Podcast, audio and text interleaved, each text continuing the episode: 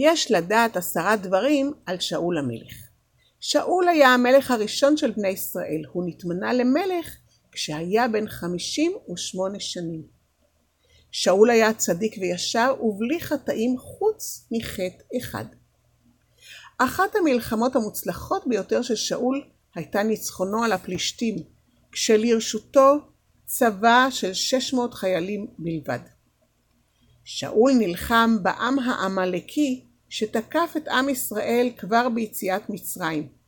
הוא, נש... הוא נצטווה להשמיד כל דבר ששייך לעמלק, אבל אחרי הניצחון המוחץ חטא וריחם על הצאן והבקר. אלוקים הודיע לשמואל הנביא כי שאול יוחלף בדוד. אחרי שדוד נמשך למלך, איבד שאול את כוח הנבואה. בתו של שאול, מיכל, נישאה לדוד. אחרי ששאול הבטיח כי מי שיושיע את ישראל מידי גוליית הענק יקבל את בתו לאישה ויזכה באושר רב. אף על פי שדוד היה חתנו של שאול, כעס שאול על דוד ורדף אותו, ודוד נאלץ לברוח מפני שאול.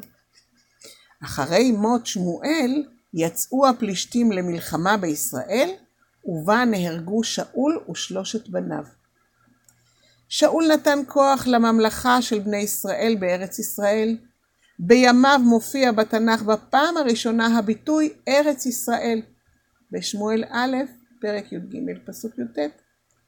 משכונת גבעת שאול בירושלים רואים את תל אל-פול, הוא גבעת שאול התנ"כית, שבה התגורר שאול המלך.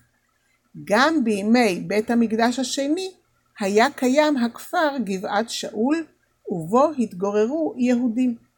במלחמת ששת הימים שוחרר המקום אחרי קרב טנקים. בתל אל-פול נמצאו שרידים של מצודה, ויש השערות כי הייתה חלק מארמונו של שאול המלך.